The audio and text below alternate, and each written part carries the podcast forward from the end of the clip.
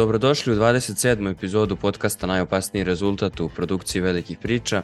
Ja sam Uroš Jovičić i bit ću vaš domaćin i u ovoj epizodi u kojoj ćemo pričati o futbalu i to ne bilo kakvom futbalu nego o premijer ligaškom futbalu. Bilo je malo lutanja u poslednjim futbolskim epizodama, malo reprezentacije, žebovi, e, različite evropske lige, ali nam je u poslednjih desetak dana premijer liga pružila realno najveće zadovoljstvo i najluđe utakmice, tako da je došlo vreme posle 16 kola da se podvuče neka crta i da se vidi ko se gde nalazi u ovom trenutku i šta se od koga može očekivati s obzirom na to da kako je naš današnji moj današnji sagovornik to dobro primetio, uh, vrh tabele očekuje da izađe Smells Like Teen, teen Spirit. Otprilike taj vibe je neki kraj 80-ih, početak 90-ih i ima mnogo zanimljivih stvari, bilo je faktički duplo kolo, ajde tako da kažemo, pošto je već teško, teško je povući nit gde koje kolo počinje, gde se koje završava. Teško ali, ispratiti šta se sve dešava. Tako je. Evo, čuli ste glas i pre nego što sam ga najavio, sa mnom je danas Vladan Novaković. Ne moram da ga pitam desi jer će mi kaže da je u Antwerpenu, tako da... Teško je. Teško je. E, u svakom slučaju danas ćemo pričamo o premier ligi i tome šta se dešava tamo šta će tek da se dešava, pošto ako je bio gust raspored do sada u decembru, sad nas tek čeka ludilo do kraja godine. I možda bi najbolje bilo da krenemo sa onim što je realno u čitavoj Evropi glavna tema, a to je da je Aston Villa u dve utakmice za redom uspela identičnim rezultatom da savlada dve ekipe koje su pre početka sezone slovile za dva najveća favorita za osvajanje titule e, posle Manchester City-a i neverovatne utakmice u kojoj su imali onaj sumanuti odnos od 22 prema 2 u šutavima za Vilu, e, a City je svoja dva šuta imao u istom minutu, u istom napadu, bukvalno, i nije pripretio do kraja utakmice od tog 11. minuta, nakon toga su uspeli da savladaju Arsenal i u ovom trenutku kad smo ispomenuli tabelu možemo da kažemo na prvom mestu je Liverpool s 37 bodova, Arsenal ima 36, Villa 35, City 33, Tottenham 30 i United 27. Iza Uniteda je prilično gusto, tu su i Newcastle i Brighton i West Ham, mada kako izgledaju forme nekih od tih timova, ne deluje da bi za United trebalo da bude puno problema kada bi on bio u formi u kojoj želi. Na kraju ove epizode napravit ćemo malo i polunavijački uh, uvod u, u derbi koji nas čeka na kraju vik, vikenda koji je pred nama, a sada da se bacimo na, na Aston Villa. Ti si Vlado pisao Aston Villa za, za velike priče, kada su oni počeli da grade ovaj tim i ovaj projekat koji su, koji su napravili. E, nakon toga e, je Mih, Miho pisao o, o Emeriju, zapravo Miho je trebalo da piše o Emeriju nakon nakon City, a onda smo rekli da sačekamo Arsenal i napravili smo dobru odluku, pošto je imao još dupli povod. E, misliš li da je Aston Villa ono što je ključno pitanje u ovom trenutku za sve, da je stvarno kontender, da je stvarno kandidat za titulu i da će moći da se bori do, do kraja za, za trofej? Aston Villa je po što pokazuje posljednja dva meseca najbolji tim u ligi. Oni jedini su tim koji nije, a, nije imao nikakvu gurku spornih odluka što su svi ovi gore na vrhu imali, B, e, nemaju situacije gde dobijaju utakmice, a ne deluju da su dovoljno dobri da ih dobijaju, što za sve ove gore važi. Ove, tako da gledano, gledano kako to izgleda sa strane, Vila izgleda fenomenalno. Vila je, ako zanemarimo Giron, Gironu i ove, Leverkusen, verovatno najbolji evropski tim u ovom trenutku po onome što pokazuje na terenu. Naravno, kao i u slučaju preostala dva tima, e, prvenstva su jelte maratoni, a ne sprintevi, iako smo već na preko trećine sezone, to je na 40%. E, sećamo se šta je bilo sa Arsenalom prošle godine, 50 bodova u prvih 19 kola, pa e, za celu trećinu manje u sledećih.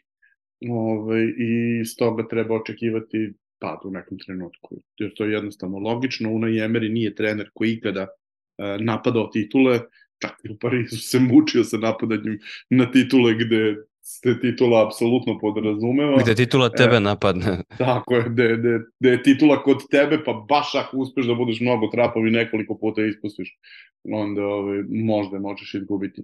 E, ono što je e, jako e, interesantno jeste da e, je Unai Emery s jedne strane lepo to Miho sve opisao, promenio način na koji mu igraju igrači, a sa druge strane nije izgubio ni jednu od njihovih prednosti radeći to. Dakle, e, njihovi, njihovi futboleri su zgrabili koncept u kojem ili imaju više loptu ili idu na više duela. Imamo sada ove nedelje e, statistiku po kojoj e, McGinn ima jednak broj driblinga kao Kaoru Mitoma u ovoj sezoni, što je nadrealan podatak. Sumano Ove, baš sumano to zvuči, tipa dele treće mesto u ligi. Ove, ali sa druge strane, uh, Aston Villa je Arsenala prebila, bukvalno ga je pretukla na terenu. Ove, ok, to su radili i City, ali sa Cityjem to generalno timovi rade. Arsenal, ova, ova um, iteracija Arsenala po, po svojoj čvrstini podsjeća na onu iteraciju iz ra, iz prve polovine Vengera, dakle, kada su još bili oni engleski momci u odbrani, ove, iskusni, koji su umeli da te prebiju, onda ovi napred lepršaju, a i da se dešava svašta. Tako i sad sa ovim timom, međutim, dobili su ozbiljne batine u, u toj utakmici na Vila Parku. Mada činjenica jeste, ako poredimo tu utakmicu i utakmicu sa Cityjem, Vila je bilo neuporedivo teže protiv Arsenala, Arsenal se zaista borio i imao šanse na kraju, čak i dao onaj gol koji je poništen. City je stvarno izgledao kao jelen na autoputu u pola tri noći dok naleće ovaj, kamion sa 18 točkova ove, i, i, i samo se predao, pustio se i mislim da i Pep svestan toga kako je to izgledalo. Mislim da, da čak zapravo ove sezone od Pepa treba očekivati još takvih utakmica.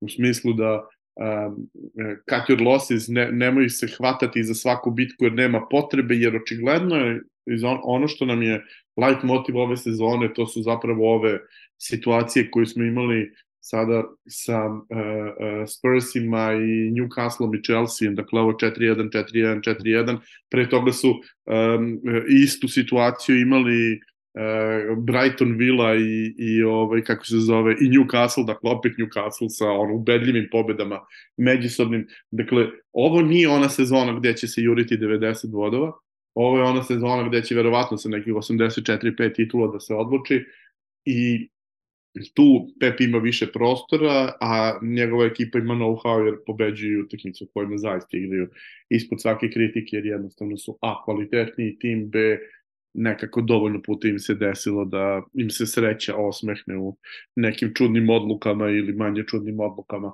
Ne sad kad si ovaj, rekao da igra ispod, ispod svakog nivoa, ne možemo da kažemo... Svog nivoa.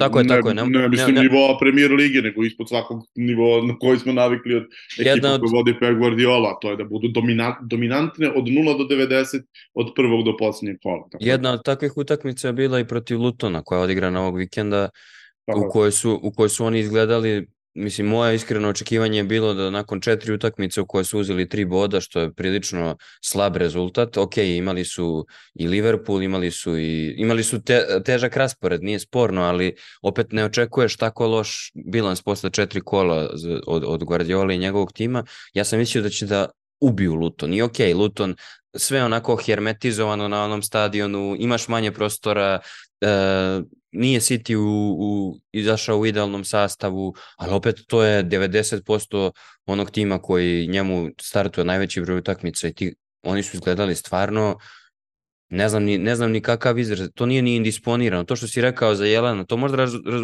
razumeš protiv Vile koja je protiv većine timova odigrala tako, ali protiv Lutona koji nema objektivno ni jednog, znaš, zbog čega bi Luton mogao njima da bude strašan? A kad vide Tausenda i onda kao, u jebote, seća se šta nam je ovaj uradio. Znaš, on, on... samo, da, da, to i onda Barkley, ono kad se prošaka između četvorice kao ali, ali to je Boris sve. Strela u najboljim danima. Da, o... ali to je bukvalno sve i onda Tako ti vidiš da, da oni protiv njih izgledaju indisponirano i zapitaš se pa, ok, sad već pričali smo više puta od početka sezona da, da su oni ušli u jedan rebuilding, da je ovo neki novi City, neki novi početak, ali da to baš tako izgleda protiv Lutona, ali na kraju oni pobede i to što ti kažeš, kad se bude sabiralo 84-5 bodova, ta tri boda će biti jednako važna kao i neka, ne znam kako dominantna utakmica koju će neko da odigra. To je, to je upravo suština Pepovog sistema futbala. Pep je čovek koji prevashodno namiče bodove. Dakle, to nije tu sad pitanje da li će oni igrati lepršavo i atraktivno i super kvalitetno. Nisu oni uvek ni igrali tako ni, ni u Barceloni, ni u Bayernu, ni u, u City u prethodnim godinama, ali su uh, razvili to, tu, e, to umeće osvajanja velikog broja bodova i to ih nije napustilo. E, ako se, ako se vratimo od početka sezone, e, jedina utakmica u kojoj City ove godine delovao kao super dominantno bila je ona protiv Burnleya na početku, a onda smo saznali da je Burnley zapravo tim koji svakome dozvoljava da, da im tako priđe, osim ako im baš ne uđeš u, ovaj, u, u, u sistem kao Sheffield United što im je ušao pa primiš pet komada od njih. Uh, jednostavno Burnley je isti takav tim samo, samo na neuporedivo nižem nivou i to je omogućilo da, da, da se igra dalje. Čak i one utakmice protiv Uniteda te koji su lagano dobili, dobili su lagano zato što se protivnik u nekom trenutku raspao, a dotle su se 50-60 minuta mučili, mnogo duže nego većina drugih timova. S Unitedom se protivnici muče obično 25-30 minuta ove sezone. Um, ali i dalje stoji to, dakle City će nastaviti da osvaja bodove. Ono međutim što smo naučili do sada, rekao bih nepobitno, to je City može da igra bez Kevina, City može da igra bez Rodrija, ali ne može da igra bez Kevina i Rodrija. I to je ono što je, što je njihov problem. Dakle, a, mora ili neko da bude a, gospodar ceremonije napred i da razara protivničke odbrane u kakvom god da su stanju, ili da bude taj koji će na sredini da preseče 10 napada i u isto vreme da pokrene 10 napada gore. Naravno, kad budu obojice tu, to će već biti potpuno druga priča. Naravno, uh, Kevin nikad više neće biti onaj Kevin iz 17. 18. 19. 20. jer su ga godine malo istigle i bit će tu još povreda. Uh, Rodri ove godine dobija atipično mnogo suspenzija za svoje standarde, neatipično mnogo za svoj način igre, ovako. Dobro, da, da, ali, ali, svaka ali vidi, sezona, ali, a, ali činjenica jeste, dakle, četiri utakmice bez njega, tri u ligi, jedna u kupu, četiri poraza. Ja gledam, gledam, kad si spomenuo to, gledam njega kako je protiv, on je i protiv Lutona dobio karton. Da ga Tako. pita čovek zašto je dobio onaj karton, udari čoveka na 50 metara ali, ali gola. on to, on to radi na svakoj utakmici od kada je došao u Englesku, samo je pitanje da li će dobiti ili neće. Znaš, to, to, to je nešto o čemu ja pričam od kada se Rodri pojavio u Engleskoj. On je čovjek koji bi komotno mogu da dobija 50 žuti kartona po sezoni. Da, zaista, kada bi se gledao kriterijum kakav je sa ostali. Dakle, s jedne strane je futbaler zaista ultimativnog kvaliteta, pogotovo u napadačkoj fazi koja je uvek u, u, u drugom planu u odnosu na, na ono što on radi defanzivno, ali on je defanzivno momak koji se ne libi da napravi start za žuti karton jer zna da će mu tri, čet, u tri četvrtine slučajeva biti oprošten. Međutim, ove godine... Što je sumanut. Ove godine se to ne dešava toliko i eto, došli smo do toga da je već četiri utakmice, da prvo da dobio onaj crveni gde je pola utakmice propustio, pa onda još četiri cele utakmice, evo to je već bezmalo, pa ne bezmalo, to je, to je više od četvrtine sezone i, on bio pod, pod suspenzijom. I kad sve to znamo, uh, jasno je sa kolikim problemom se City suočava, jer oni su svojevoljno odustali od gomile igrača u prethodna dva prelazna roka sa nekom idejom što tokom, tokom vremena koje dolazi. Ja zaista moram da kažem u cijeloj toj priči najveći šok mi je odlazak Kola Palmera, ovaj, koji bi imao mesto vidi. u timu. Pogotovo što se u, sad vidi, da, da. Tako je, pogotovo u situaciji gde, gde Kevin već ima tu tendenciju da se povređuje. A u krajnjoj liniji on je otišao dok je Kevin već bio povređen. On se povredio u prvoj utakmici sezona. I ovaj, ali opet ti znaš da je tu kvaliteta mnogo, ti znaš da je tu igrača koji mogu da daju golove mnogo, ti vidiš da oni ne zavise više od Erlinga u meri u kojoj su zavisili prošle godine kada je on ovaj, morao da, da postigne svoj određeni broj golova da bi, da bi oni pobeđivali. Sad mislim da je tu važna, da je tu Julianova uloga važna. On je ove sezone napravio jedan iskorak, mislim da dobio malo veću slobodu i pa. deluje mi, on, on i kreira i postiže golove, ok, dešavaju mu se utakmice kad ima glupe promašaje, ali, ali mi delo da je njegova uloga značajnija, mnogo veća nego prošle godine kad je bio rezerva celu sezonu. Ne, ne, ve, već je apsolutno iz prostog razloga što je on taj koji je primarno dobio zadatak da popuni rupu koju je De Bruyne ostavio. Ali e, to ima svoje pluseve i minuse, jer on jednostavno nije Kevin, jer je Kevin unicorn, a s druge strane nije ni, ni, ni Erling koji će davati 60 golova po sezoni, dakle on može da popuni i jedno i drugo u određenoj meri, ali ne u potpunosti i tu je valjda suština problema što uh, City može da reši stvari, ali mu sada niko ne garantuje da će rešiti stvari. U prethodnim godinama garantovalo im je to što su imali osam ljudi od kojih će neko nekada eksplodira, pa onda u nekom trenutku Bernardo Silva izgleda kao najbolji na svetu, pa onda Gindon izgleda kao najbolji na svetu, pa se tako rotiraju, sa, sada im je ta rotacija skraćena i to je ono što je problem. Imaš situacije gde Phil Foden odigra jednu fenomenalnu utakmicu, pa onda u dve ili tri skandalozan u toj utakmici sa Aston Villom, pa i u ovoj utakmici sa Lutonom, mislim, Foden je bio igrač ispod svakog kriterijuma, a opet ono znam da, da će se sutra, preko sutra vratiti, nadam se ne baš bukvalno sutra, prek sutra, Ove, ovaj, i, i, i, i razneti nekoga u, u, u premier ligi. Ove, ovaj, ono što njima olakšavajuća okolnost svakako to je što u Ligi šampiona su prvi u grupi i završili su tu ove, ovaj, problem odavno, zato što im je grupa bila takva kakva im je i nemaju farku nikakvu, ali definitivno um, uh, će kroz ligu morati onako malo, malo više da zapnu nego što su zapinjali prethodnih godina. Ono što e, je ono njima, međutim, reka... olakšavajuća okolnost, to je što su i ostali u, u, Sad sam to htio da kažem. u vrlo Zapravo, mišovitoj formi. Kad Liverpool, pričamo, uh mhm. -huh. kad pričamo o, City, o City-u, mi pričamo o tome da oni imaju kao E, problem i da će osvojiti manje bodova definitivno i da će teže dolaziti do bodova koje su ranije osvajali bez, bez puno brige, ali i dalje ne možemo da pričamo da je to liga u kojoj neki tim poput Aston Villa i time zaokružujemo priču o njima može tek tako da dođe i da osvoji 85 bodova, to će teško da se desi i ako nekom realno može da ugrozi City ove godine, to su timovi koji su zaista u stanju da to rade sistemski, koji to, to, je Arsenal realno i to je realno u ovom trenutku Liverpool. Mislim da niko sem te dve ekipe nije u stanju da osvoji tu količinu bodova, makar po trenutnoj formi. Verovatno to može da se desi ako neko napravi dodatan neki, ono, neke promene i uspon, ali mi se čini da to ipak mora da bude neko od tih koji su i do sada ostvarivali rezultate i bili u vrhu. Teško da će Newcastle ili, ili Aston Villa, koliko god da su dobri, zanimljivi, lepršavi, imaju širok kadar, ovoliko ili onoliko, teško da oni baš mogu da ugroze City u toj sezoni kada, se, kada su oni slabi. Volao bi da, da, da se malo na Arsenal usmerimo u tom smislu, jer kao oni su pokazali, oni su preuzeli čelo tabele i u, u jako kratkom roku pokazali sve svoje slabosti koje su mogli da pokažu.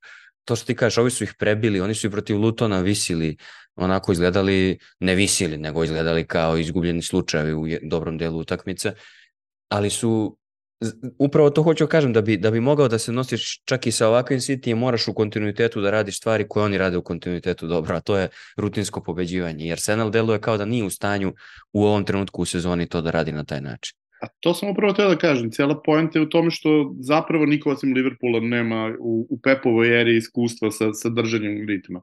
Ne samo zbog, zbog titula, nego i zbog toga što u, u one dve sezone kad nisu uzeli titule su zaista gone the distance Arsenal nije. Arsenal se samo srušio je u, ne, ne u jednom, nego u dva trenutka prošle sezone, a e, ove sezone je takođe rekao bih igra slabije nego što je igrao prošle. Mislim, igra onako kako je igrao u drugoj polovini prošle sezone, što je i realno, jer je prva polovina bila e, nešto što je zaista bilo odstupanje od norme.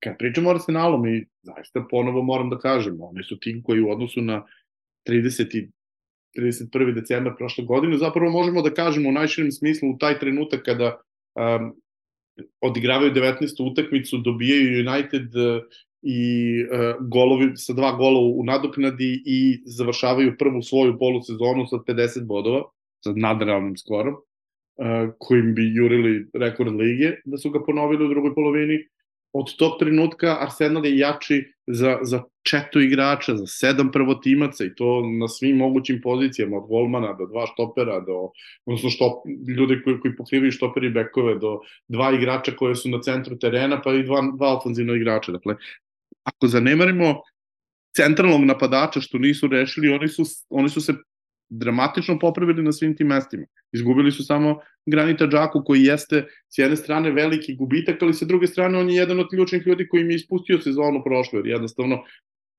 njegov mentalitet nije mentalitet čoveka koji može pobedi Pepa Guardiola. Dakle, koliko god je jako bitan da, da ekipu podigne na, na viši nivo od jedne tačke, takođe ima i plafon.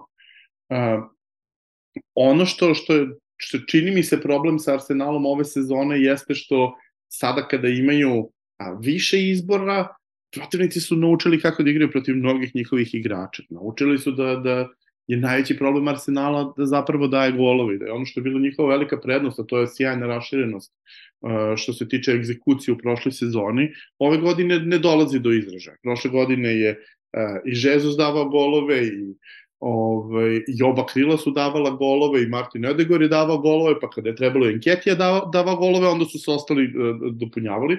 Međutim, ove godine praktično svi su podbacili što se tiče tog uh, uh, onog ultimativnog kreativnog dela, dakle stvaranje čistih šansi i uh, egzekucije. I, I to je ono što što je problem Arsenala. Arsenal bolje ja, drži ja loptu. Tu, iz, izvini, ja bih tu ono podvukao da, da ljudi obrate pažnju malo i na, na Edegarda njegovu formu, ona, on ima neke blistave trenutke ima ove sezone, ali on mi deluje mnogo nestabilnije da nema kontinuitet kao tokom prošle godine. On je prošle godine bio neverovatna pretnja u napadu, on uvek se nalazio na pravom mestu i njegovi šutevi su bili opasni. U nekim utakmicama u, koje, u kojima se Arsenal mučio, videlo se da se i on muči. Čak ga je Arteta i izvlačio iz igre ranije i deluje mi da, da je on nekako simbol kao metafora tog tih amplituda koje Arsenal zapravo ima na terenu ove sezone. Iako ni, daleko od toga da je on najveći njihov problem ili da je problem uopšte, ali samo kao može da se povuče jasna razlika između njega prošle sezone i njega ove sezone, iako su protivnici naučili kako da igraju protiv njih, on je verovatno u grupi tih igrača protiv kojih su naučili da se postavi, iako on, po svom onom modelu i sistemu igre i svemu nije baš neko koga lako predvidiš, ali svakako deluje da je I ono što si pričao, imaju oni tu još igrača koji su tipa Trosar, ne, ne može da bude starter, to si dobro podvukao i svaki put kad je ušao stvarno napravio razliku kad god počne utakmicu, on je on je bukvalno kao da, kao da nije na terenu. E, i, I krila njihova nisu ubitačna kao prošle godine. Sve je onako, sve za nekih 10% sad ako moramo da kvantifikujemo odokativno, de, sve za 10% niže, ali to u konačnom zbiru daje, daje onako neubedljiv arsenal. Da, ovaj, uh, Edegor zaista, mislim, na, njegov najveća prednost prošle godine je bio kontinuitet, zato što on bezmalo cele sezone držao taj visoki nivo. On, on je redko to. bio na, na nekom wow visokom nivou. Saka recimo u trenucima kada je bio raspoložen, pa čak i Martinelli u onoj uh, seriji posle nove godine, je izgledao nezaustavljivo. Imali su onu seriju gde na svakoj utakmici daju golove, gde prave čudo na, na, na, na mečevima Kod, kod Edegora nema toga, ali ima nečega što, što je potpuni kontinuitet. Ti znaš da će on stalno da isporuči gol, asistenciju, ti znaš da je on taj koji će da zadrži protok lopte napred uvek. Ove sezone to nije u toj meri. Sad on je, njega je Arteta vadio i prošle godine ranije. Očigledno je da nema snage i koncentracije za 90 minuta futbola, ali nije to nužno problem, ima Arsenal i tekako rotaciju ne, da, da, da, da to Delovalo mi je prošle godine da ga vadi više zbog snage, a ove godine jo. više jer, jer je nemoćan jer mi je Edegor deluje nemoćno u nekim ono, nekim ono što jeste problem je što, što Smith Rowe i posle ovoliko vremena od oporavka još uvek ne deluje kao da je adekvatna zamena. Ono što je takođe problem to je što um, Havertz nije to što, što, je, što je Edegor, dakle on popunjava drugu stvar, uh, on, on je taj koji će do, don, donositi te joker golove ove sezone, to je očigledno, ove, ali nije taj koji je kreativac na nivou na kojem je Edegor kreativac. Um, I onda je Arsenal, Arsenal je praktično trejdovao tu atraktivnu igru napred za veću kontrolu na sredini, jer sa Rajsom je to zaista u velikoj meri dobio. Međutim, i dalje to uh, nosi probleme, jednostavno i, i, i teško je zamisliti da ovakvim tempom oni mogu da isprate City 38 kola. Ne, I još jedna stvar, još jedna kada, upadljiva razlika. kada, kada postoji Liverpool još kao faktor. Upadljiva razlika, rekao bih, je i golman odnosno kvalitet. Nisu oni imali ni prošle godine vrhunskog, vrhunskog golmana, ali je nekako on u kontinuitetu branio dobro. Ove godine, mislim, jasno je da, da su primili i primaju neke budalaste golove, i nisu jedini u ligi koji imaju problem sa golmanom, ima dosta timova, to je, to je baš ove sezone upadljivo, ali meni deluje da, da stvarno od golmana dobijaju mnogo manje nego što su dobijali prošle godine. I to što kažeš, kada je Liverpool uključen u to, ta trka će njima biti teža, vidiš sam posle, posle 16 kola da su na, na 36 bodova, što je, što je znači, bit će na najmanje 8 manje nego prošle godine, odnosno da, uh, malo, oni mogu da osvoje još, još 9 bodova, tako da. su i u opticaju. Znači, ako dobiju sve tri naredne, imaće 45 bodova najviše, što samo pokazuje koliko je, prošla, da, koliko je prošla sezona zapravo bila dobra. E sad, kada porediš s tim i tako smo nekako na početku kad smo najavljivali sezonu rekli Arteti će biti problem što će svi da porede sa tih prvih 19 utakmica, ne a sa ne ovih drugih, drugi, da. drugi 19. Ne, ovaj, a, a, a pazi, taj vrh je, vrh je zanimljiv zbog toga što prošli smo kroz, kroz tri ekipe, Liverpool ćemo na kraju kad budemo govorili o Unitedu i Liverpoolu u kontekstu derbija koji nas čeka u nedelju, na izborni dan baš. E, kako se zove, mislim da, da, da je dobro da spomenemo Chelsea u ovom trenutku, ti si spomenuo to 4-1, 4-1, 4-1, Newcastle, Tottenham, Chelsea i, i taj trougao. Da, Chelsea je, ako je, ako je Aston Villa u poslednjih par nedelja pokazala da je u stanju da, da osvaja bodove u kontinuitetu i da igra dobro, Chelsea je posle nekoliko dobrih utakmica i posle nekoliko rapsodija Sterlingovih koji nije bio u svojoj koži, nego u koži nekog boljeg i pametnijeg igrača, opet se vratio na staro, prima glupe golove, deluje nemoćno i ok, protiv Uniteda na samom ulazu u tu utakmicu ti ne možeš da kažeš da su oni favoriti kako god da izgleda United, ali protiv Evertona uh, nijednog trenutka nisu delovali kao da se nešto pitaju. To je ono što meni, to je ono što razočarava ljude koji veruju u početinu. Da, ovaj, super što si pomenuo kako primaju golove, pošto sam hteo da se vratim na ono malo pre i da se učtivo ne služim s tobom po pitanju Arsenalovih golmana, mislim da je golman uz Džaku zapravo i veći problem nego Džaka bio prošle godine, jer u Ramsdale apsolutno ne možeš da se pouzdaš. Ovaj, ka, Kačiću i video vezan za, za to ovaj, u okviru teksta koji, koji će izaći u četvrtak, ili tako? Dobro i da se ne složimo, pošto, naravno. Pošto se, pošto se bavimo engleskim golmanima, reprezentativnim, uh, mislim da je Raja ogroman uh, iskorak za ekipu Arsenala, zato što im daje da pomaknu liniju odbrane dobrih 10 metara gore. Raja, uh, Raja golman koji, je naj, koji najdalje interveniše linija linija na, na, na kojoj interveniše prosečno mu je najviše u, u svih pet liga Evrope.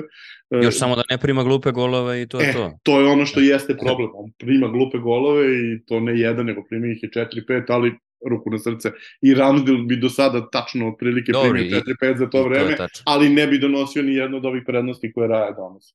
Ove, međutim, um, kad je Chelsea u pitanju, to je problem još očigledniji. Oni su tradovali dva golmana koja su mnogo bolja za golmana koji je mnogo gori.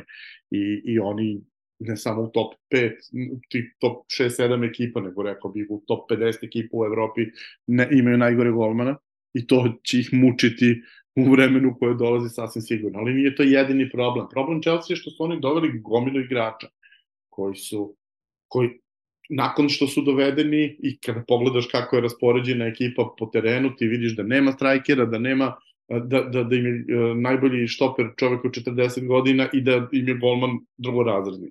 Dakle, fali ti igrači sa bukvalno svih strana terena, a ti si doveo za ogromne pare, pare manje više, ali ogroman broj igrača si doveo. I to su igrači koji su sve igrači visoke klase sa ogromnim potencijalom, ali niko od njih nije top, top, top, top level igrač. Ako pogledaš, ajde, ako analiziramo ekipu, ko je najviše accomplished igrač kod njih? Thiago Silva, 40 godina. Ko je njihov najbolji igrač de facto od, od ovih koji sada igraju na osnovu onoga što smo, što smo videli u prethodnim godinama karijere? Rhys James ne može sastaviti 30%, 40% sezone zbog stalnih povreda. Ko im je najveća zvezda u timu? Enzo Fernandez, momak koji koliko ima dve seniorske sezone i od toga jednu u, u, u ipak drugorazrednoj ligi. Ove, kojim je glavni glavna napadačka snaga, Kristofer Nkunku još uvijek nije, nije zaigrao da, od početka nije, sezone. Dakle, nije pogledaš jedno, i kojim je golman, da, da ne pričamo o tome. Dakle, kad pogledaš svaki faktor, njihovi ključni igrači uh, su, su limitirani ili godinama, ili stalnim povredama, ili ti, pazi, Rhys James i Nkunku zajedno imaju koliko, do nove godine će skupiti 50 propuštenih utakmica, samo njih dvojica. I ako to sve gledamo, logično je da, da ekipa ne funkcioniše kako treba. Ono što je jako bitno je videti da li će poći shvatiti šta treba da uradi sa tom ekipom. On je izašao posle poraza u, na Woodisonu sa, sa, sa rečenicom kako ok, pa jasno je šta moramo da radimo i mora da se koriguje ekipa i stvarno mora da se koriguje ekipa. Kogod pogleda Chelsea, zaista ne mogu da zamislim da neko pogleda onaj tim i kaže ok, to je taj tim, sad samo da ih skockamo. Ne, brate, fale im igrači na gomili pozicija iako su ih, su ih doveli 40. I, I to će biti onako baš ozbiljan, ozbiljan posao i za njega i ozbiljan posao i za klub da, da bude strpljiv, a da sasluša šta ima da se kaže. Evo, ovde, treba, ovde treba napomenuti kad pričamo o Chelsea i njihovim... Da se radi o, o, o, o, o ovaj, Bowliju koji je doveo igrača i, i, i, i odradio referisanje na 10 godina ovaj, plate. pa ne, ono, o tome će čitaoci i slušaoci veliki priče imati priliku da čitaju na sajtu u narednim danima. Miloš naš je napisao tekst o ovom sumanutom pojačanju o kome su svi pisali zbunjeno, malo zato što su lajci jer ne prate, malo zato što stvarno cifra od 700 miliona zvuči kao Ma da, 700 miliona je ništa u američkom sportu, zaista. Nego da, da. je čitavo ludilo to što, što će biti isplaćeno tako što u sledećih 10 godina ćemo davati po 2 miliona, a po 98 miliona će biti isplaćeno od 34. nadalje. Tako da će on moći oko sebe da okupi kao što je Brady radio, kao što LeBron radi stalno, kao što Warriors i rade, da okupi oko sebe super jake igrače da, da osvaja titule, jer se mučenik ono namučio stvarno sa druge strane grada. Da, jo, još, Mislim, pričamo još... o Šaheju Oktani, ono najboljem igraču je duplom unicornu bejsbola, najbolji igrač u istoriji bejsbola, jer ono, u isto vreme je najbolji, je spektakularan na dv, u dve različite stvari.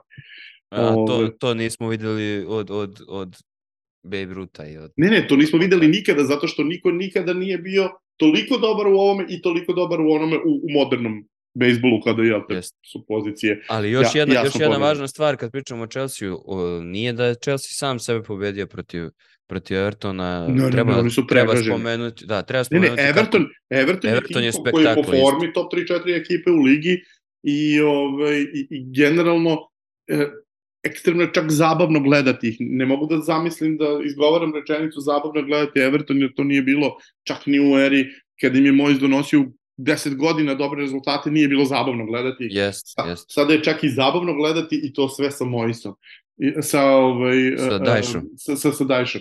I, i, I ono što je Sean Dajš napravio, mislim, svi smo naravno, kada je Sean Dajš preuzeo ekipu, mislili da je Sean Dajš taj koji je najbolji da, da to uradi. Ako neko će da spasa ekipu, to će biti on. Ali način na koji su oni reagovali na ovo što im se dogodilo i ovu kaznu, oni su izbrisali celu kaznu u tri utakmice. Dakle, minus 10 bodova oni su devet nadoknadili tri kola kasnije više niko i ne razmatra da će se oni boriti za opstanak. Mislim, oni bi bili gde? Deveti na tabeli, da... Bili bi, bili bi deseti, bili bi no. bodi za West Hema. Bili bi deseti, imali bi 23 boda i to, to bi bilo bliže vrhu a, nego... A pritom, nego to, a pritom to nije izgledalo dobro na početku sezone i sada možemo i da analiziramo šta se sve dogodilo sa ekipom, što, što su konačno kupili napadača koji može da radi ono što je umeo ranije da radi Duncan Ferguson ili Fellaini ko može da se tuče, da se reve sa, sa protivnicima, da bi oni igrači koji su iza njega, a koji su generalno najveća opasnost, uh, mogli da daju golove, jel te, kada im je Calvert Lewin u, u zdravstvenom stanju koje bi ga lepo spojila sa Risom Jamesom, a to je ono 30% sezone da, da. u tops. A ovo sad kad si rekao, tu vidiš, nije slučajno što Dukure i, i McNeil imaju prostora što daju golove što su tako opasni upravo to zbog toga što imaju ono livadu ispred sebe otvorenu Pa imaju, imaju, prost, imaju dve da stvari. S jed, a imaju strane... kvalitet. Ono, ja neću preboleti Dukurea što nije u crvenom u tom istom gradu. Ovaj, uh, i, i, imaš dve stvari. S jedne strane ima neko napred da radi posao za tebe, a sa druge strane imaš Onanu koji je zaista igrač koji bi mogo da bude onako svetsko čudo ukoliko još samo malo razvije svoje dve nedostajeće osobine i, ove, ovaj, i, i mogu bi da bude jedan od najboljih igrača na toj poziciji na svetu. Dakle, u istom trenutku su to dobili i ono što što je zapravo najvažnije to je da, da se Tarkovski sredio. Tarkovski bio užasan problem na početku sezone, zato su oni imali loše rezultate, jer je čovek od koga očekuješ da bude on jedan od najstandardnijih, najstabilnijih igrača u ligi, direktno skrivio 4-5 golova u prvih šest kola i onda odjednom je uspeo da, da valjda kada je dao prvi gol, to mu, to mu je kliknulo i od tog trenutka je počeo da igra i u odbrani odlično i sada stvarno kad god gledaš Everton, vidiš ekipu koja zna šta radi, vidiš ekipu koja ima opcije da zameni igrača ukoliko dođe u problem na bilo kojoj poziciji i ovo stvarno je stvarno me ne iznenađuje što, što su im rezultati ovoliko dobri, ali me iznenađuje što su ove, što što im igra toliko dobro. Tako da s te strane ne treba mnogo zameriti Chelsea. Chelsea je pokazao u prethodnom periodu da je ekipa koja a, voli da igra protiv jakih, koji je zaista odigrao odlično i protiv City-a, koji je često u tim utakmicama sa najjačim rivalima izgledao dobro. Uh, valjda su United počeli da percipiraju kao slabog, pa zbog toga ovaj, su, su podbacili. To, to je malo potiče na ono vreme kada je Arsenal počeo da gradi ovu noviju dominaciju u duelima sa Unitedom, u head-to-headovima, jer United u to vreme redovno pobeđivao sve ove gore, samo njih nije pobedio iz prostog razloga što su oni bili osmi na tabeli, pa su valjda drugačije pristupali i red, počeo da gubi stalno od Arsenala i to se umeđu vremenu nije mnogo promenilo. United je, United je kad smo kod Uniteda uh, u, u sedam dana ono doživao roller coaster utakmici u kojoj su mnogi smatrali da će Chelsea imati svoju šansu. United je realno bio dosta bolji, a onda su doživeli protiv još jednog tima koji je otprilike u sličnom kontekstu kao, kao Everton, s tim da nisu bili kažnjeni, ali Bournemouth počeo da igra Mislim, pričali smo u jednoj od prvih epizoda, pa sam ja rekao da mi deluje da se oni dobro mečuju igrači sa trenerom, pa si ti rekao da još nisu kliknuli. I, mi, i u tom trenutku stvarno nisu, a sada deluje da su stvarno kliknuli i oni igraju isto zabavan futbal.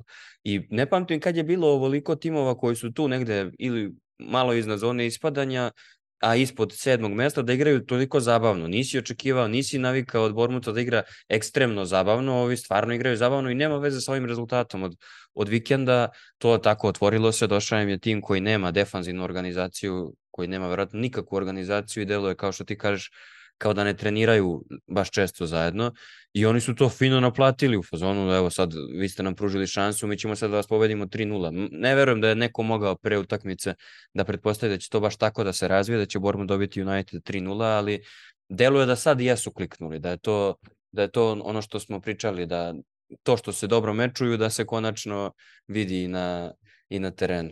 Pa nije to zbog tih 3-0, nego zato što je to već peta utakmica u nizu u kojoj zaista deluju kao da apsolutno znaju šta rade. Um, valjda je to stvar južne obale. Pr prvi je to radio Southampton kada je sklonio u, u, na četvrt sezone pred krajem Nigela Etkinsa i stavio Početina, onda je to uradio Brighton kada im je Potter otišao pa su doveli Dezerbija i evo sada ovaj, to radi ekipa Bormuta. Dakle, sve tri ekipe su uh, u hodu praktično morale da menjaju kompletan stil igre. Bournemouth je tu najbolje prošao jer su ova druga dvojica uh, zaista u hodu to radila u, u, u toku sezone. Ako se sećate, Zerbi imao priličnih problema u tih 5-6 utakmica, iako yes. je nasledio ekipu koja je stvarno bila u dobroj formi. Brighton igra odlično i sa Potterom prethodne yes. godine i odlično što počeo se, sezonu. Što se dosta pocenjuje, kao da Potter nije postojao odjednom. To, to, to je, to je jedna od najvećih komedija, zato što kad se pogleda season on season, Dezerbi je zapravo imao sedmi je bio po, po broju uh, unapređenih bodova u ligi u tom trenutku. Šest ekipa je uzelo više bodova u odnosu na prethodnu sezonu nego Dezerbi.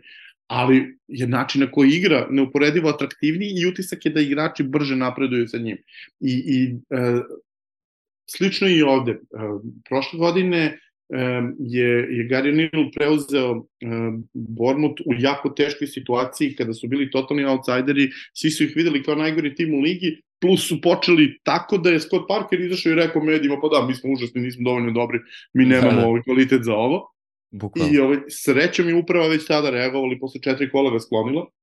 E, Gary, jedan od razloga zašto Gary Neal nije dobio posao dobra tri meseca posle, nego je bio interim na, po tri nedelje, jeste način na koji su oni igrali i kad se uporede na, na onim mapama um, kakvi su u 5-6 glavnih osobina tada, a kakvi su ove sezone, razlika je tipa trostruko su bliži vrhu lige nego što, što, su, što su bili prošle sezone, praktično u svemu što rade. Dakle, mnogo su ekspanzivni. Prvo, uh, uh, linije na, kojima igraju su mnogo bliže golu protivnika. Uh, mnogo su opasniji u, u, u defanzivi kada protivnik ima loptu na svojoj polovini. Mnogo više šuteva, mnogo više expected golova, mnogo manje šuteva trpe, mnogo manje expected golova dozvoljavaju protivniku. Dakle, praktično sve ključne osobine su, su dramatično popravili u odnosu na prošlu godinu i samo je bilo pitanje kada će se dogoditi to da, da, da se to i pretvore, čak i, i dok su e, gubili, izgledali su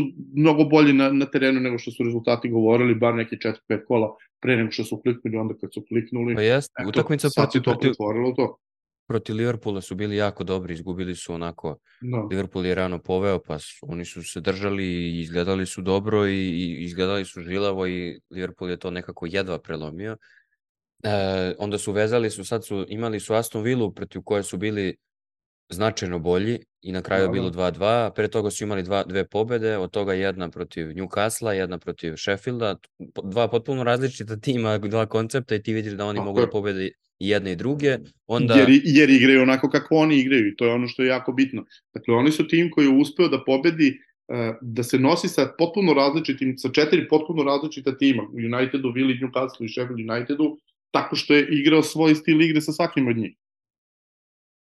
A, do, a došli su u situaciju da, da, da i protiv Uniteda koji ono u nekom trenutku delovao kao da može da uhvati neki dah i kao da osvaja, United realno osvaja mnogo više bodova nego što po organizaciji i kvalitetu igre zaslužuje. Ovim nisu dozvolili da, je, da, da nisu jeftino hteli da se prodaju, tako da na kraju dobar rezultat za njih i nekako smo onda, da, Bormut je 14. u ovom trenutku, čini mi se, tako da to je isto vrlo pohvalno za, u odnosu na to kako su gledali na početku sezone. Sad... Tako je, jer oni su bili taj tim koji se ugurao dole među ona tri, među trojicu Novajlija i koji jedini delovao kao da bi mogao da upadne u krizu i da mu se ne, nešto loše uh, desi. Sada deluje kao da je Nottingham Forest taj tim, ali ne, ne bojim se ja mnogo ni, ni za njih. Ali ono što je, da... Neće biti žao Lutona, United... svakako. Da, da, ne, pre, ne, Luton, prećemo... Luton, je, Luton je super stvar. Luton je tim koji je, za razliku od ova druga dva, uh, delo je kao tim koji je stigao iz nižeg ranga i radi ono što radi tim iz nižeg ranga, to je bori se herojski od početka do kraja sa svojim limitiranim sredstvima. Ne treba prenebregnuti ni, ni vrednost njihovog stadiona, s obzirom na to da, uh, sećam se sezone kada je Colchester ušao u drugu ligu, Championship, i te godine su završili uh, odmah iznad sredine tabele, uh, samo zahvaljujući formi kod kuće, zato što niko nije mogao da se prilagodi na teren koji je bio 10 metara kraći, 6, 6 metara uži uh, i tribine su praktično sedele igračima u krilu, dakle čak i u, na championship nivou ti uh, uh, zastareli i, i oronuli objekti su pravili ogromnu razliku, međutim već u drugoj godini kad su se protivnici prilagodili Colchester je završio nešto sa 30 bodova i, i, i lagano ispo iz lige.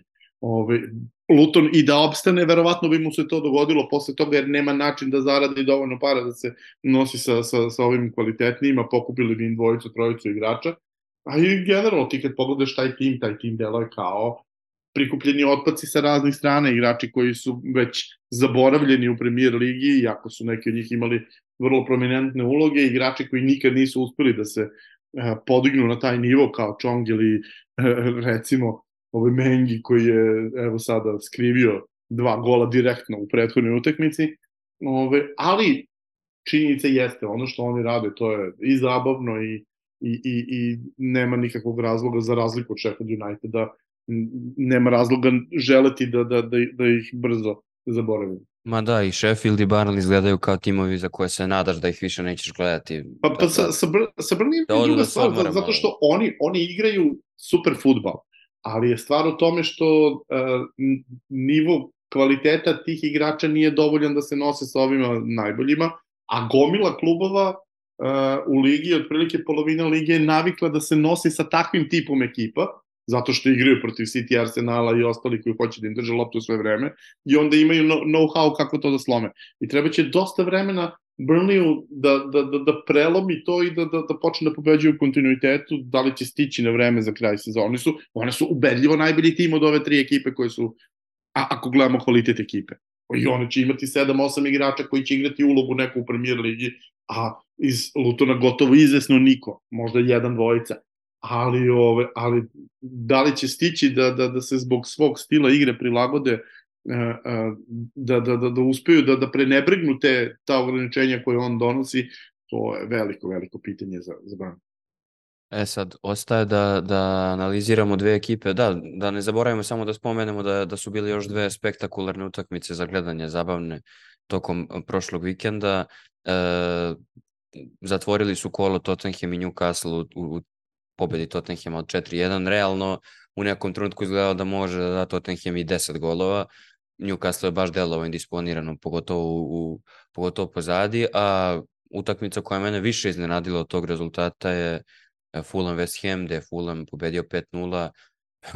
Dva puta po 5-0 u niz. Vrlo ubedljivo. 16 golova u četiri utakmice. Da, to... oni, oni imaju, to sam baš gledao, oni imaju gol razliku nula, a dali su 16 gola u prethodne četiri utakmice, što da, dosta da. govori o tome kako je to izgledalo pre toga. Da, mislim, ću... njima je trebalo neko vreme, pazi, njima je otišao glavni izvor golova u, u, u avgustu kada je već sezona krenula, doveli su Raula Jimeneza koji je ono, posle one povrede nikoga nije više ozbiljno tretirao kao da može da, da pravi razliku u premier ligi, a eto u poslednje dva kola smo saznali da i tekako može, ali ne samo to, nego što su oni zaista nabiflali jednu super atraktivnu ekipu sa gomilom opcija, da je Harry Wilson igra kao pomamljen igra, kako igra i za reprezentaciju Velsa. Dugo smo se pitali da li ćemo dobiti ikada ovako Harija Wilsona, još, još onda kad je bio na pozivnici u Bonmotu. I eto, dobili smo ga. Tako da oni sad imaju onako i, i dobru odbranu, i dobru drugo Bernleno i ove godine kao i prošle je onako jedan od najboljih golmana u ligi, pogotovo svim kriterijumima i Fulham je onako uspeo da, da, da, da, se, da se etablira tu u gornjoj polovini, tu negde sa West Hamom, čim što West Ham ima svoje druge obaveze u Evropi ko, koje ga, ga uh, sklanjaju malo sa, sa, sa te glavne staze. I utisak je da i Brighton isto u tom problemu, ovaj, i utisak je da i Newcastle u tom problemu zbog Evrope. Tako je, tako je. I uh, ako dodamo na to Spurse koji su propatili ove, ovih nekoliko utakmica zbog toga što su u istoj, u istoj, u istoj 50 minuta ostali bez uh, oba startna štopera, ostali bez uh, uh, ključnog igrača de, defanzivnog veznog i bez glavnog playmakera i trebalo da se prilagode u hodu na to i nisu uspevali. Ove, pretpostavljam da će i oni sada malo da, da, da, se vrate u ritam. Tako da očekujem da će u naredna dva meseca, kada ne bude ni evropskih obaveza kada su se Spursi vratili, ceo taj paket klubova postati mnogo ovaj, kvalitetniji u, u, u domaćoj ligi. E Što je upozorenje za ova dva kluba o kojima ćemo pričati.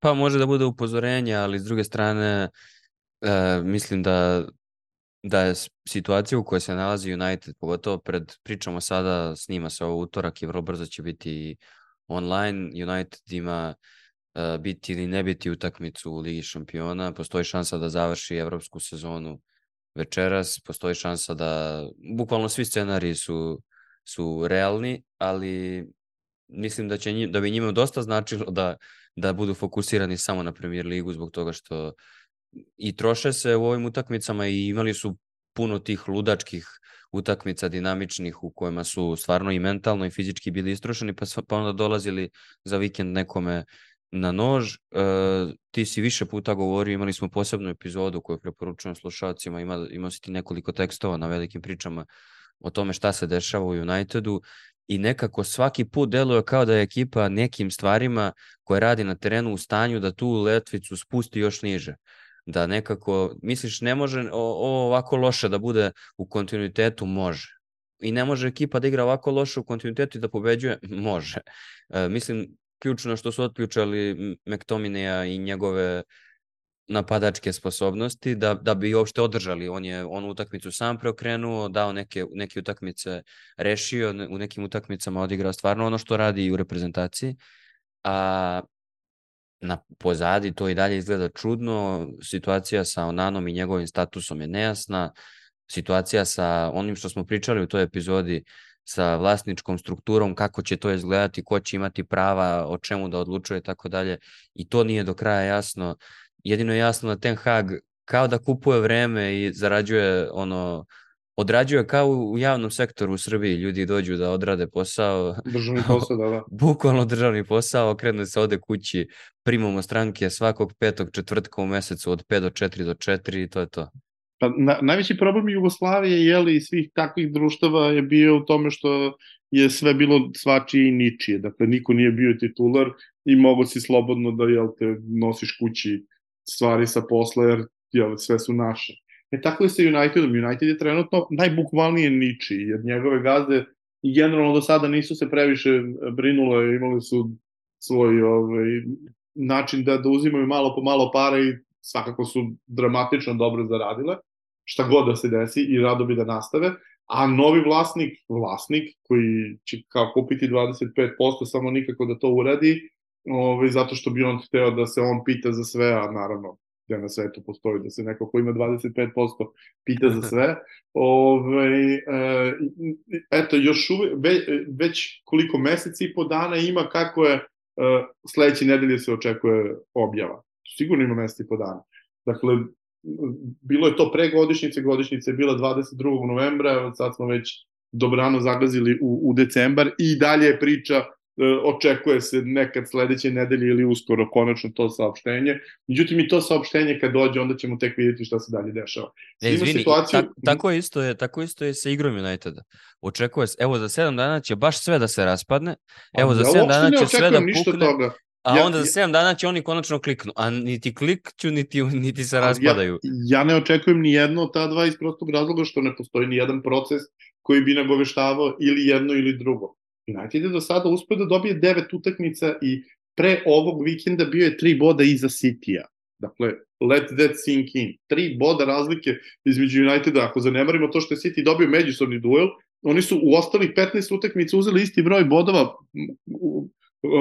potpuno nadrealna priča. To samo zapravo govori o tome na kom nivou igra City, ali u stvari United je uspeo da, da nabifla bodove delom izbog rasporeda, pošto sada dolazi ova serija neprijatnih utakmica, ali uh, uh, prosto mislim 27 bodova United neće se bojati za opstanak ni u jednoj varijanti što se u nekim od prethodnih godina nije moglo reći u ovo doba, u ovo doba sezone. Ove, sve preko toga je suludo očekivati iz prostog razloga što u ligi postoji bar 7-8 boljih ekipa. Ekipa koje su a, kvalitetom tu negde ili bolje, ali ekipa koje su sve utrenirane. United nije utrenirana Sve su bolje vođene, da ja, ja ne znam da su sam, United 20 se, i po to. Videlo se, videlo se u subotu, Unitedovi igrači ne znaju kada kome dodati loptu, na koju nogu, ko igra, kojom nogom, uh, ko, će, ko kad utrčava, ko kad ne utrčava. 5-6 puta se dešavalo da, da, da, da neko gurne loptu iza odbrane, a da taj igrač koji treba da potrči ne potrči, jer očigledno je koliko su, su neuigrani. A ako su neuigrani, pitanje je šta oni rade na, na, na, na treninzima jer uh, jedna od najčudnijih osobina Erika Tenaha je to što uh, se veoma čvrsto drži ekipe koje, koja mu do, dobije utakmice i onda kad god dobije gleda da prepiše tim i za sledeće kolo. Dakle, nije da ima 26 storicu pa ih rotira besomučno pa nisu stigli da, da, da, da se dželuju, nego, brate, igraju isti ljudi po nekoliko utakmica i u četvrtoj i dalje izgledaju kao da nikad nisu izgled, izašli na teren zajedno. I uh, a, ti si pričao o odbrani, odbrana naravno jeste problem, ali problem počinje napred. A, a, i, I zapravo taj trenutak gde McTominay postiže dva gola protiv Brentforda u nadoknadi i dobije utakmicu je trenutak gde United dramatično menja način igre i od tada zapravo McTominay je ovo sezonski Rashford. Prošle godine Tenah je, jedin, je imao jedan game plan, game plan, a to je staćemo nazad i slaćemo lopte Rashfordu iza protivničkih odbrana i to je donalo Rashfordu gomilu golova i to je na kraju donalo i dobre rezultate, bar dok je trajalo. I na kraju su nekako uspeli da, da, da prežive sticam okolnosti i nemanja ovaj, nikakvog kontinuiteta protivničkih ekipa. Liverpool je na kraju završio ispod 70 bodova na petom mestu. Uspeli su da, da, da, da stignu tamo gde su želeli, a to je Liga šampiona. Ove sezone je od tog trenutka kada je, kada je McTominay uradio to što je uradio, jedini plan da McTominay radi ovo što radi, a to je da glavni centar for odloči igrače da oni drugog plana natrčava i da daje golove. Dakle, isto što radi i Škotska. S tim što Škotska to radi neuporedivo bolje. Ali ono što jeste ovde problem, to je što je zbog njegovog mesta u timu. Čitav set futbalera morao da promeni način na koji igra, čitaj krila stoje zakucana za out linije, što nikada nisu radile u Unitedu, bekovi su ti koji se ubacuju iz drugog plana, što je potpuno suludo, pogotovo sa desne strane, gde ni Dalo, a posebno Van Bisaka nisu igrači koji to mogu da izguraju. Bruno, koji je uh, igrač koji je u kontinuitetu još od Sportinga u Evropi među liderima po broju stvorenih prilika, igrač koji je odmaknut 20 metara dalje od protivničkog 16 terca, on je i dalje u top 3-4 po, po broju stvorenih šansi u, u, u Evropi ove godine, ali ti čoveka kojem je glavna um, osobina to da igra rizične pasove, ali pasove koji potencijalno donose čiste šanse, ti si ga odvukao nazad gde svaka izgubljena lopta je opasnija, a odmakao si ga tako da, da mnogo duže lopta treba da, da, da putuje dok ne bude opasna. I onda kad pogledaš sve, sve te futbalere koji su se ispomerali sa svojih pozicija da bi se šta? omogućilo da Mehtomini igra uh, nešto između osmice i second strikera. Mislim, jel živimo u nekoj paralelnoj stvarnosti? da, da, smo mi normalni, šta je? Jel, jel, jel to najbolje što, što imamo da ponudimo u svetskom futbolu?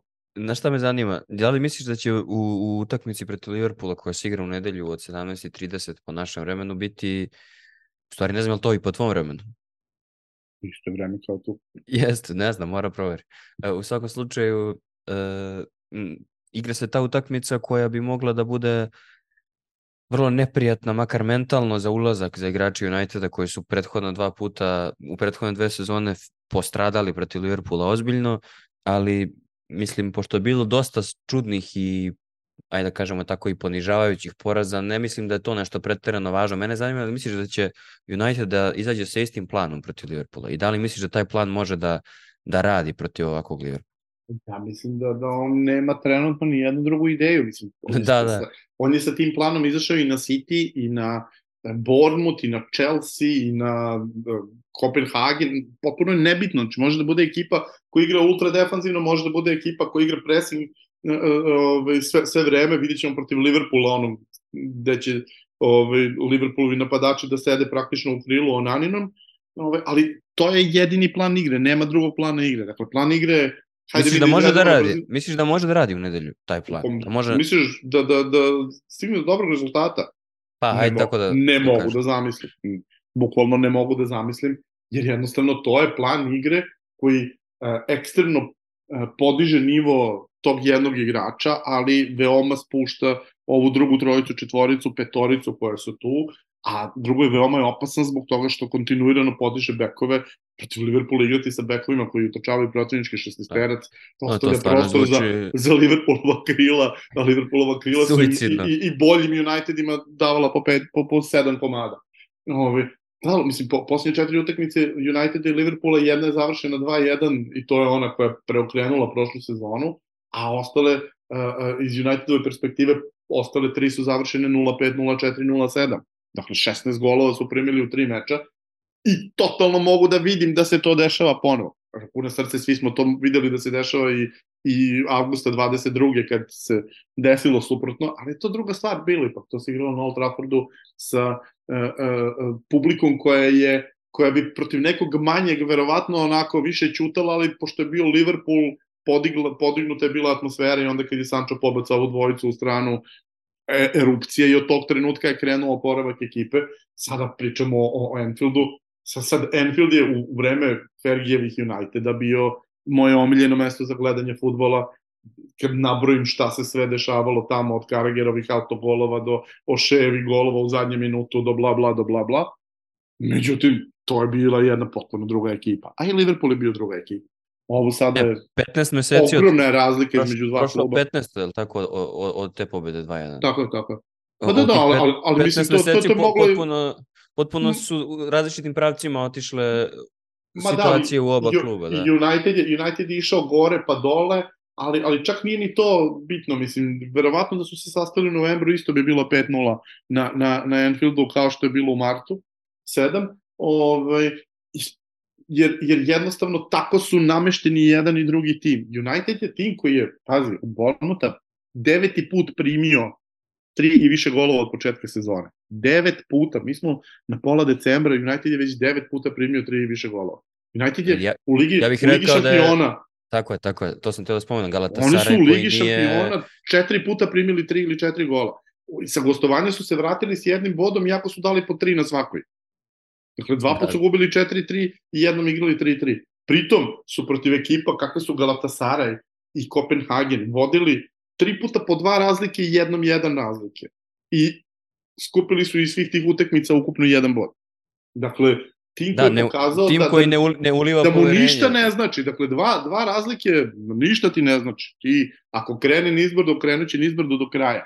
I to smo videli zapravo na, na Enfieldu prošle sezone, to je najbolji pokazatelj, jer ja, ja zaista verujem u ono što je Erik rekao posle utakmice. United je prvo polovreme bio mnogo bolji i opasniji tim, imao 3-4 dobre šanse, i onda Liverpool dao gol u 42. minutu, i pravo iz slačionice dao još dva gola, što meni govori dosta o tome kakvog trenera ko ima, kada ti direktno iz slačionice primiš dva gola za 3 minuta, I, tu se, I onda je rekao, ja, i onda smo se raspali. Pa, brate, normalno si se raspao kad si na 0-3.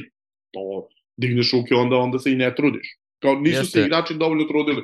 Pa, me, meni ne znači da se igrač mnogo trudi na 0-5. Značilo mi je da na 0-1 ti smisliš način kako ćeš da izdržiš 10 minuta pa da, da, da, da, da probaš da, da, da vratiš. A i ne može sve biti do truda, brate. Ne može objašnjenje za sve biti, nisu oni mnogo zapeli. Liverpool e, je... Ali kod, kod, njega, kod njega je to uvek objašnjenje. Znači, ako obratiš pažnju yes. od prve utakmice, dakle od poraza od Brightona u prvom kolu prošle sezone, Što bi rekao, najbolji evropski trener. Što da, da. bi rekao, najbolji evropski trener u košarci, pitajte njih, nemojte mene da pitate. Znači, ja sam bu... u, sta, u stanju za hospitalizaciju trenutno. Znači, e, kompletan razgovor sa medijima, mu je, neko iz medija kaže, pa igrali ste loše, a njegova reakcija na to, pa da, jel vidiš koliko smo loše? Ja kažem, baš su loše odigrali. Znači, da, da, sve vreme kao, kao oni, da su, oni su loše odigrali. Pritom, yes. njego, njegove taktike su vrlo često ultra skandalozne, sad već pričamo o ovoj koja je standardna 7-8 kola, ali i, i tokom prošle sezone ima užasne probleme sa, sa, sa menjanjem igrača, sa prepoznavanjem šta je protivnik uradio. Na početku ove sezone je, je to postao trademark, dakle do tog utakmice, te utakmice sa Brentfordom United ima to da prvih pola sata odigra super, onda primi gol najčešće u 20. minutu, između 20. i 30. Imali su oni trenutak gde su tipa na, na, na 80% utakmica primili gol u tom ovaj, segmentu i od tog trenutka se sve sruši. Međutim, sada su, su prešli na, na, na, na ovu kompletnu mehtominizaciju futbala. Sve o svemu, ne očekujem zaista ništa dobro, jer mislim, besmisleno bi bilo sa svim ovim očekivati nešto dobro, posebno sa Liverpoolom, zato što je Liverpool uspeo da e, dođe u, u, u zonu. Liverpool je e, sada to, to sam mentalno, da kažem, Liverpool mentalno deluje, tamo gde da, želi da bude. Tako dakle, je, tako je. Prvi su na tabeli u situaciji u kojoj City ispušta bodove, oni prave razliku u odnosu na njih, E, kad Arsenal ima prednost u odnosu na City i dalje očekujem da će ih City prestići. Kad Liverpool stekne toliko prednost u odnosu na City, moram da se zapitam. Dakle, Liverpool je jedinu titulu u ovom periodu uzeo tako što je otišao na plus 20. Dakle, ovo mu ne garantuje ništa, ali to je bio drugi City, to je bio City koji imao pet igrača više u rotaciji, to je bio City sa De Bruyneom u pravim godinama ne znamo kako će se ovo sve, sve raspesti. Ono što je bitno jeste da e, približava se januar, prilike da se koriguju greške iz prethodnih prelaznih rokova, da se konačno dovede ta šestica, da e, e, ja svakako verujem u to da bi trebalo da se ovaj, i, i trajno reši pitanje štopera, ali ono što što jeste sigurno to je da Liverpool uh, se osjeća se kao pretprošle godine, osjeća se kao možda ne u onim najboljim godinama, ali recimo tako nešto kao da je u stanju da dobije u kontinuitetu čak i utakmice koje ne izgledaju dobro. Liverpool se nadavao golova u, u, u 88. 90. 94. minutu, što govori o mentalnoj snazi ekipe. I, ove, i ja bih da, voleo da, sad, da, sad, da samo apostrofiram par stvari koje deluju kao slabost, pogotovo pred ovu utakmicu sa Unitedom koja zaista svima objektivnima i neobjektivnima kakvi god da su koji navijaju za neke od dva kluba ili ne, deluje kao jednosmerna ulica. Stvarno deluje kao da Liverpool ima know-how za United, a da United nema know-how kako da opstane 90 minuta na terenu i, i da je Liverpool značajno veliki favorit pred ovaj derbi ali uvek postoji šansa da se tu, što ti kažeš da je United u toj utakmici e, iskoristio jednu šansu u prvom poluvremenu, da je on poveo ko zna kako bi se to usmerilo.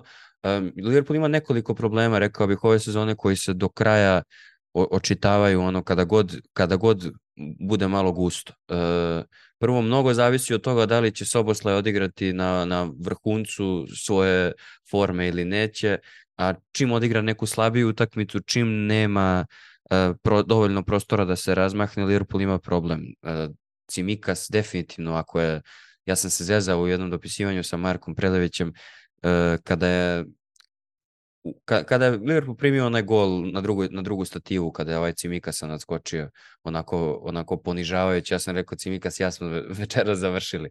Ja sam se nadao da on može da odigra, da bude neki backup i on je odigrao neke solidne utakmice, ali definitivno razlike među njega i Robertsona kada, su, kada je Robertson na terenu, Liverpool je jedna ekipa, bez njega je potpuno druga i mentalno i defanzivno, da ne pričam ofanzivno, jer je onda imao neki balans ne napada se sve vreme sad po desnom boku. Ono što znamo od početka da je problematično, to je Trentova odbrana. I nisam oduševljen kada zamislim, kada vizualizujem bilo koju situaciju u kojoj on jedan na jedan sa bilo kojim krilnim igračem Uniteda, uh, ono što je po meni veći problem od Trenta ove godine, to je da je Van Dijk sistemski van, van forme, on, on, on igra ispod nivoa koji je ispod nivoa, koji je ispod nivoa kad je igrao ono što je Liverpoolu trebalo, a pritom sada se Matip povredio i završio sezonu po, po svojoj prilici i nisam siguran da će Liverpool imati ajde protiv Uniteda manje više, ali generalno u narednom periodu da će, da će moći brzo dođe do nekog rešenja kako da odbrana ne bude vrlo propusna. Ono što mislim da takođe Liverpoolove navijače nervira, zna da ih nervira, to je e, status Gakpa i, i, i Gravenberha.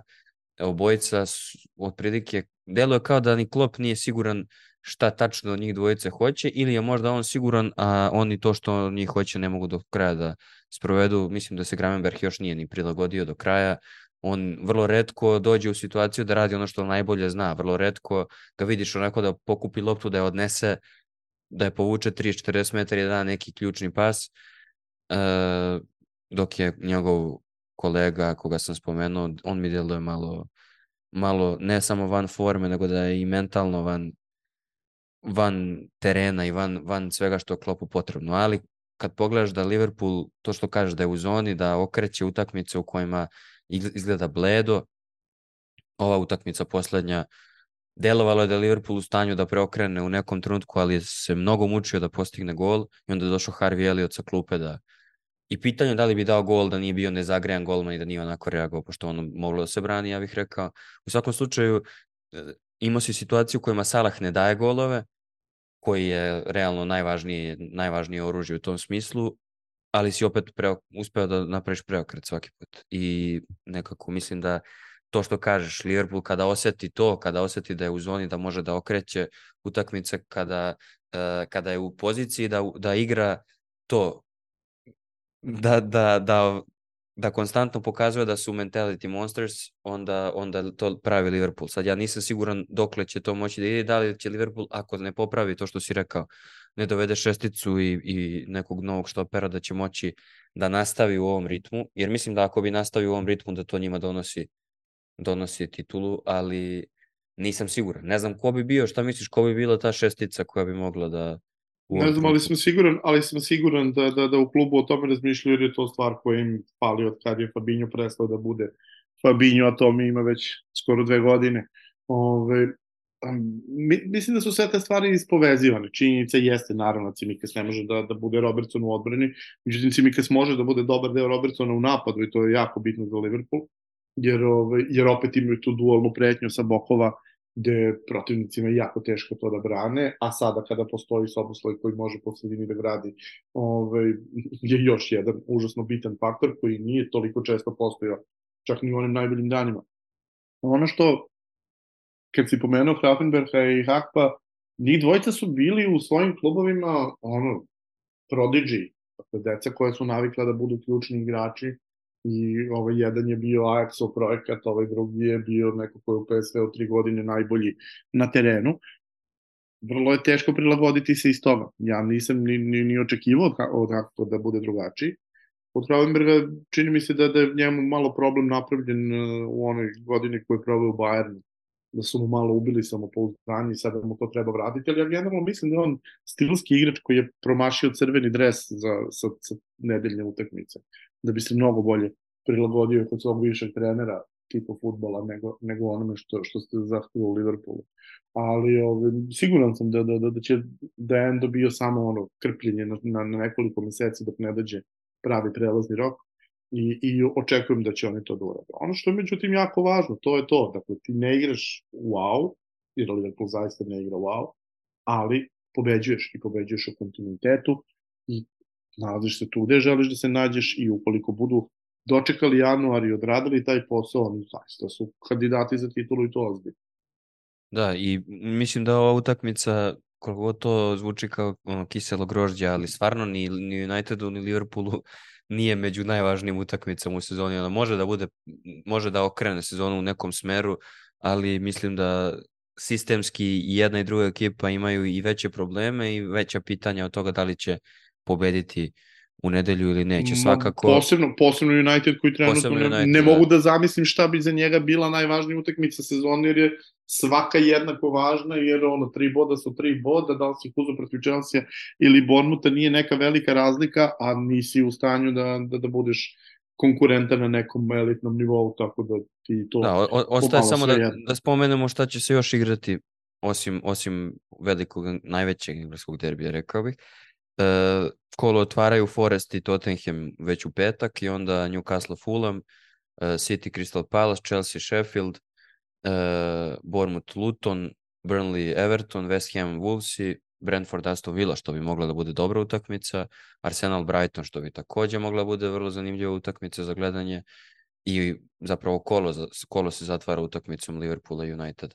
Uh, deluje da, da City mislim City je Crystal Palace uvek problematičan protivnik, ali Jeste ali, ali, ali Crystal Palace su jako problematičan Tako je, tako je, to sam teo da kažem, ne, ne deluje mi da, da neko može još dodatno da iskoristi ovo što, što je City Deluje da, da, van da, je Roy, da je Roy potpuno na izlaznim vratima. Uh, mislim, treba biti objektivan i prema njima, oni su stvarno imali tu nesreću da im se serija ključnih igrača ispovređivala u isto vreme. Nije isto kad se povredi Arsenalu četiri igrača ili Liverpoolu i kad se povredi Crystal Palace u četiri igrača.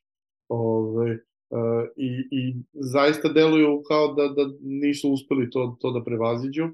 I, I sada su onako, u, mislim, nisu oni u pravom problemu, zato što su ovi timovi na dnu takvi da ne mogu baš mnogo bodova da osvoje, ali je prvo Roy ima godina koliko ima, tako da svi znaju da je to ograničena akcija i sada kada je e, izviždan od svoje publike, pa je onda on rekao svoje publici ono što nije smeo, pa na to ima jednu pobedu u osam utakmica, nekako je utisak da ukoliko je izgubio City, a to se ne dešava baš prečesto Crystal Palace, ovaj, e, moglo bi lako da se desi da, da, da ovaj, pre Božića Roy okači ovaj kopačke o klin, što, što Ali pazi raspored, nije, baš prijetno. City nema ni malo uh, lagan raspored u naredna tri kola, ajde Crystal Palace koji nije u formi, ali nakon toga imaju Brentford i nakon toga gostuju na Goodison.